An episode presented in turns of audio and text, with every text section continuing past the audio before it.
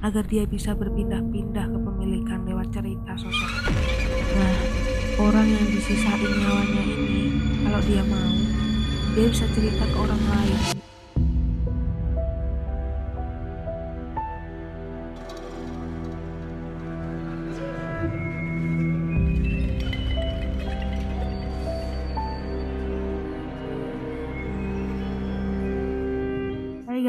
Kembali lagi bersama aku Adinda Sheila di ARC Horror Story. Apa kabar kalian? Semoga selalu diberikan kesehatan ya. Pada kesempatan kali ini, aku akan membacakan sebuah legenda dari kota Bandung yang ditulis oleh Kak Dismem di twitternya. Kisah ini dialami oleh Kak Vira yang pada akhirnya harus menerima takdirnya untuk tinggal bersama dengan kuntilanak abu-abu. Penasaran dengan ceritanya? Langsung aja kita simak dan pastikan jangan mendengarkan sendirian.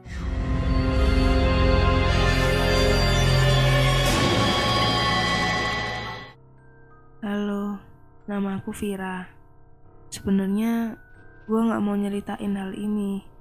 Takutnya kalian yang denger jadi terpengaruh. Tapi gue pengen kalian ngerasain apa yang gue rasain sampai saat ini. Tapi gue sadari bahwa gue harus bertanggung jawab atas apa yang gue lakuin. Sampai akhirnya gue menerima semua apa adanya, meski sekarang hidup gue gak membaik, tapi juga gak seburuk di awal. Semua bermula ketika gue SMA di Bandung. Tahun 1995, ayah dan ibu gue pindah ke Bandung, tepatnya di belakang pasar Cicadas. Gue masuk di kelas 11 SMA negeri bergengsi di Bandung. Gue kasih kru sekolahannya. Gedungnya peninggalan Belanda. Singkat cerita, gue punya banyak temen cowok di SMA ini. Temen sebangku gue, si Dudung, dan beberapa lainnya. Tapi ada satu orang yang aneh, sebut aja namanya Raden.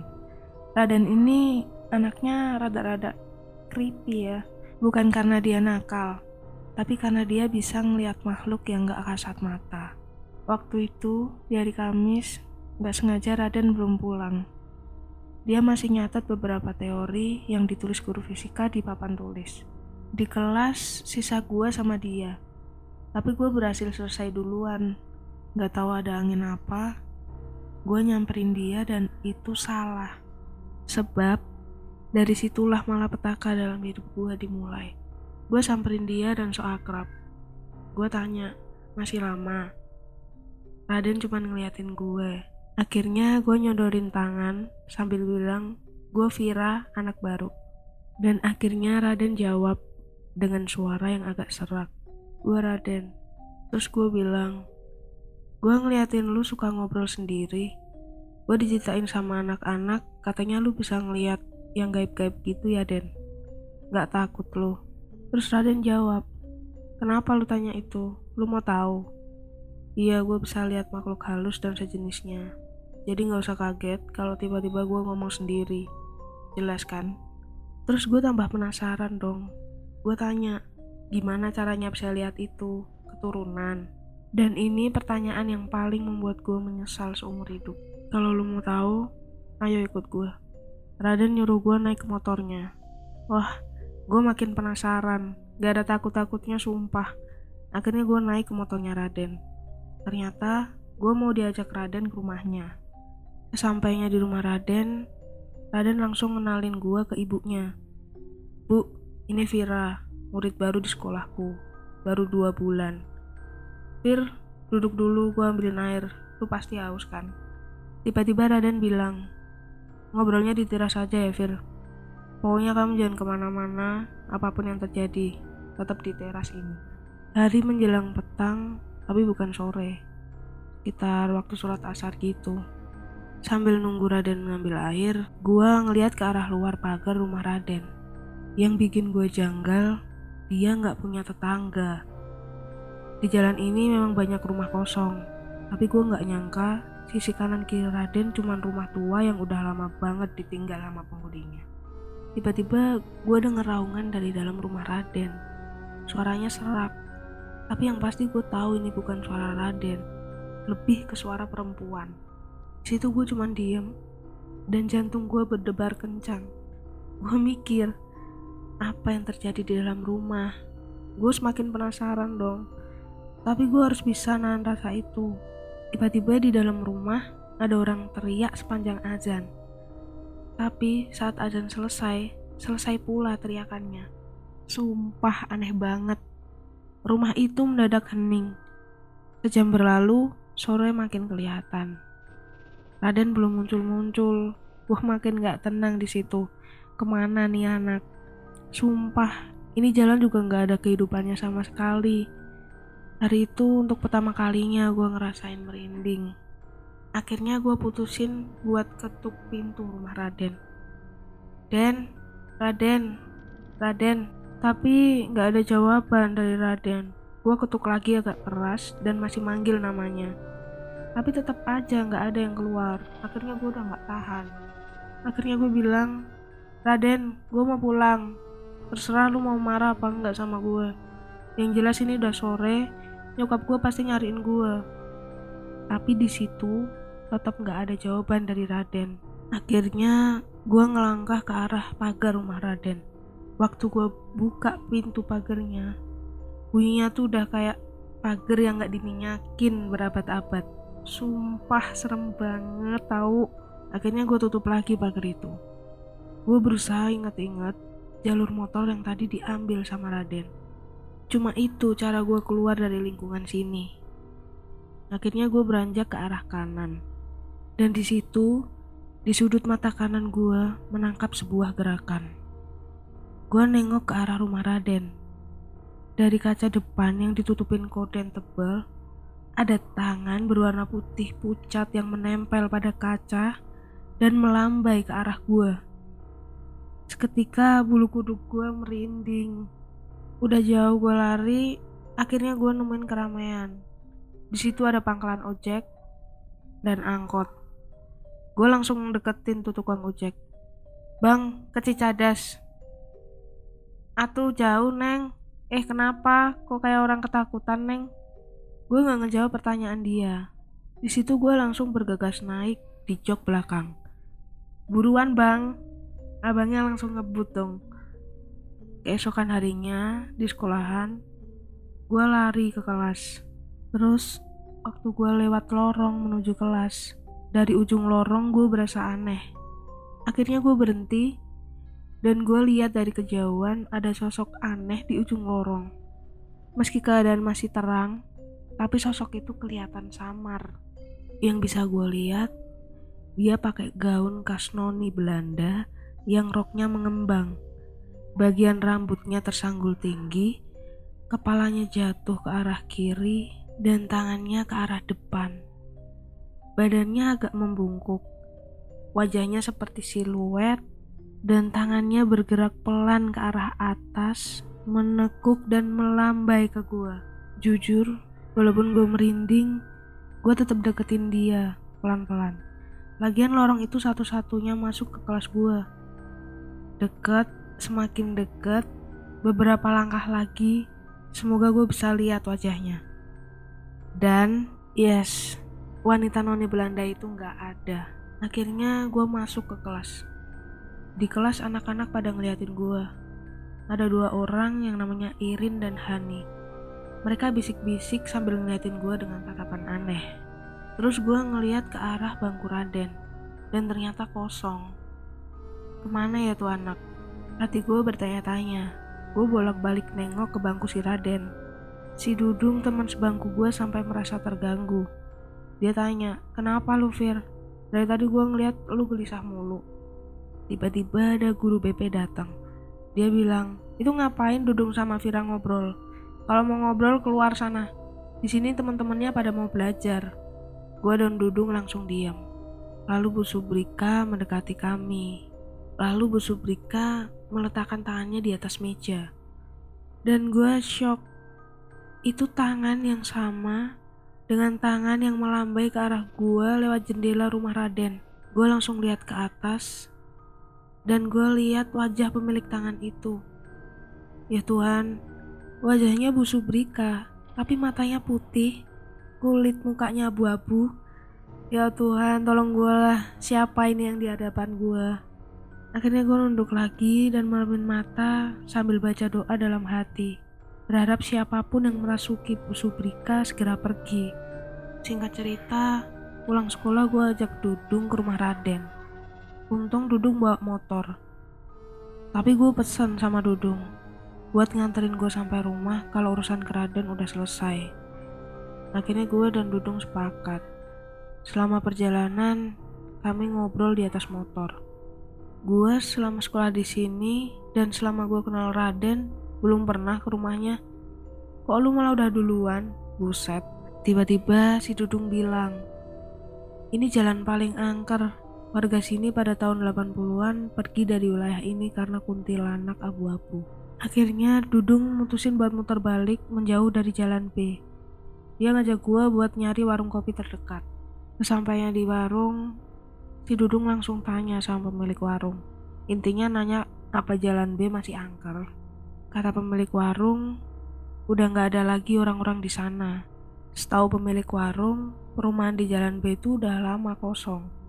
Dijual pemiliknya belum pada laku-laku, tapi nggak tahu juga kalau sekarang ada yang tempatin. Terakhir kali pemilik warung itu jalan-jalan ke area sana, katanya udah kosong banget. Murah-murah sih rumahnya, tapi ya itu banyak hantunya. Dan hantunya itu kuntilanak abu-abu.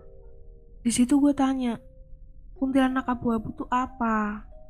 Tapi sayangnya si pemilik warung cuma diam. Terus Dudung bilang, jangan-jangan, maksudnya jangan minta diceritain. Gue rasa dia tahu tapi dia nggak mau cerita. Lah emang kenapa sih? Makin penasaran gue. Fir, yang namanya cerita kan kudu detail. Nah, Detail daripada si Kunti ini nggak bisa dikasih tahu.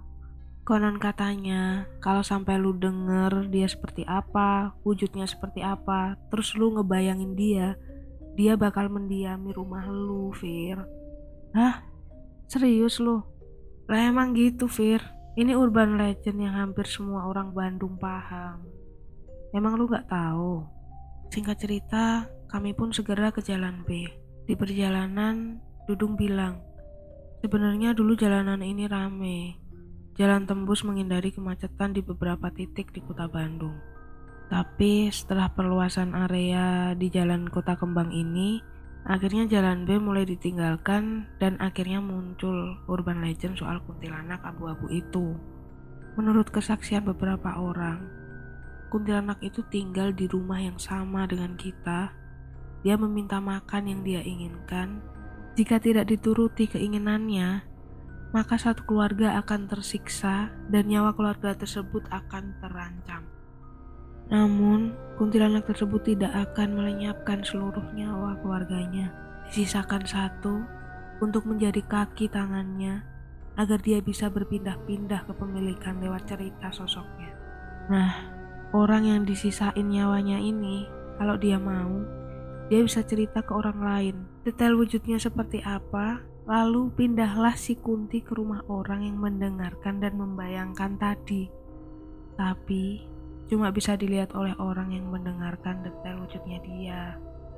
Jadi misalnya nih gue cerita sama lu wujudnya si Kunti dia pindah ke rumah lu. Dia cuma bisa dilihat sama lu tapi kalau lu cerita sama nyokap lo ya nyokap lu juga bisa ngeliat itu Sampai akhirnya mendadak Dudung putar balik dengan tergesa sampai gue hampir jatuh. Terus gue tanya, anjir Dung kenapa lu? Pelan-pelan dong, kenapa sih kayak orang lihat setan? Si Dudung jawab, Fir, Fir, liatin di layar belakang gue dong, di balik kerah jaket sekarang. Waktu gue tarik kerah jaket Dudung, ada sebuah gulungan rambut kecil, hanya beberapa helai sih. Tapi setelah diurai, gue dan Dudung langsung merinding. Panjang banget kayak bukan rambut manusia. Terus Dudung bilang Duh gimana nih? Kata orang-orang kalau kejadiannya kayak gini berarti kita udah diikutin kita udah diincer. Gak usah nakut-nakutin lu dong gue kan gak ngapa-ngapain. Iya lu gak ngapa-ngapain. Tapi rasa keingin tahuan lu tuh gede dia gak suka lu kenapa sih pengen banget cari tahu akhirnya gue ceritain pengalaman gue main ke rumah Raden terus Dudung bilang goblok kan dari awal pas berangkat feeling gue udah nggak enak Akhirnya gue sama Dudung putusin buat pulang. Belum pulang, Dudung sempat bilang hal yang bikin gue malah gak bisa tidur. Fir, menurut gue Raden pasti besok datang. Tapi please, lu jangan ngikutin rasa penasaran lu lagi. Biasa aja, lu harus janji sama gue. Kalau dia cerita apa pun, tutup kuping. Gue ngerasa dia pelihara kuntilanak abu-abu. Pokoknya jangan sampai lu tahu detail wujudnya. Besokan harinya, mama bilang, Semalam kamu teriak-teriak kayak ketakutan. Mama papa sama adik sampai kebangun. Tapi kamu dibangunin gak bisa. Papa udah bacain ayat kursi. Terus papa minumin kamu air putih yang dibacain ayat kursi baru kamu tenang. Emang kamu mimpi apa? Gak apa-apa mah. Gak inget juga mimpi apaan. Kata gue sambil posisi duduk. Singkat cerita, waktu gue udah sampai sekolah, kelas gue sepi banget tapi tas anak-anak udah ada di bangkunya masing-masing. Waktu gua naruh tas, tiba-tiba gua denger nafas seseorang dari arah belakang. Jantung gua langsung gak karuan detaknya. Bulu kuduk gua naik, dan gua segera membalikan badan. Dan ternyata ada Raden. Dia masuk lewat mana coba? Tadi aja sepi, sumpah. Gue spontan langsung berdiri dan langsung lari. Tapi setelah sampai deket bangku guru, gue langsung noleh lagi ke arah Raden. Raden ngeliatin gue kayak pengen nangis. Lu datang dari mana tadi? Lu orang kan? Lu siapa? Mana Raden? Ini gue Raden, Fir. Tadi pala gue berat banget, makanya gue tiduran. Gue bangun karena ada orang datang. Gue pikir Pak Asep, gak taunya lu. Ke mana lu kemarin? Gue sakit, Fir. Nyokap gue juga sakit. Gak ada yang bisa ke sekolahan buat ngasih tahu ke guru-guru. Gue sakit karena... Karena apa? Serius dalam hati gue langsung mikir. Kenapa gue harus tanya hal ini? Bodoh banget, ini sumber petaka gue. Lalu Raden jawab, karena makhluk itu gak terima apa pun yang gue sajikan. Tiba-tiba Raden membuka bajunya. Dan gue kaget. Di dada Raden ada lima garis panjang seolah habis dicakar. Raden bilang kalau makhluk itu melukai dia dan ibunya. Di situ dia jelasin, makhluk wanita itu Vira, dia minta pindah. Tingginya sekitar 180 meter, rambutnya panjang, hitam pekat lebat menyentuh tanah. Wajahnya abu-abu dengan tangan putih pucat dan kukunya yang panjang. Dia bertelinga runcing di sebelah kiri dan daun telinga sebelah kanan tidak ada sebab dipenggal. Hidungnya mancung dan selalu meneteskan darah. Di ubun-ubunnya ada lubang paku sedalam 10 cm. Tangan kirinya ada jari yang terpotong. Matanya putih dengan sudut ke atas memanjang dan ini yang terakhir. Bibirnya Bunyi lonceng sekolah gue yang lama dan memekakkan telinga membuat suara Raden tenggelam. Gue yang tadinya agak hipnotis mendadak sadar. Gue langsung lari keluar kelas sambil memandangi Raden yang langsung duduk dan mengebrak meja karena misinya belum terlaksanakan. Gue bersyukur banget gue bisa selamat karena bel bunyi. Gue gak dengar ciri-ciri terakhir. Sumpah jantung gue mau copot. Raden baris di tempat paling belakang. Gue dan Dudung sama-sama menoleh melihat dia. Tatapan Raden kosong melihat ke arah kami berdua. Terus mulut Raden kayak mau menyampaikan sesuatu tapi tanpa suara. Gue dan Dudung dipaksa membaca gerak bibirnya. Kami spontan buang muka. Singkat cerita, gue sampai di rumah. Dan gue langsung duduk di pinggir tempat tidur. Gue bilang, Mah, Vira izin tidur siang ya, Vira ngantuk banget. Beliau jalan ke arah pintu lalu menutup perlahan. Dan di balik pintu itu udah ada seseorang nunggu gua. Ya, dia si kuntilanak abu-abu. Tira masih mencari pengganti dan penerus salah satu urban legend kota kembang tersebut. Jadi, detail kuntingnya kayak gimana jangan dipikirin.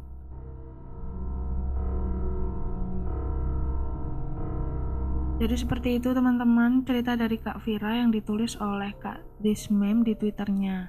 Semoga teman-teman bisa mengambil hikmah dan pelajarannya ya. Terima kasih buat teman-teman yang udah mampir ke podcast ARC Horror Story. Jika kalian suka dengan ceritanya, silahkan share ya.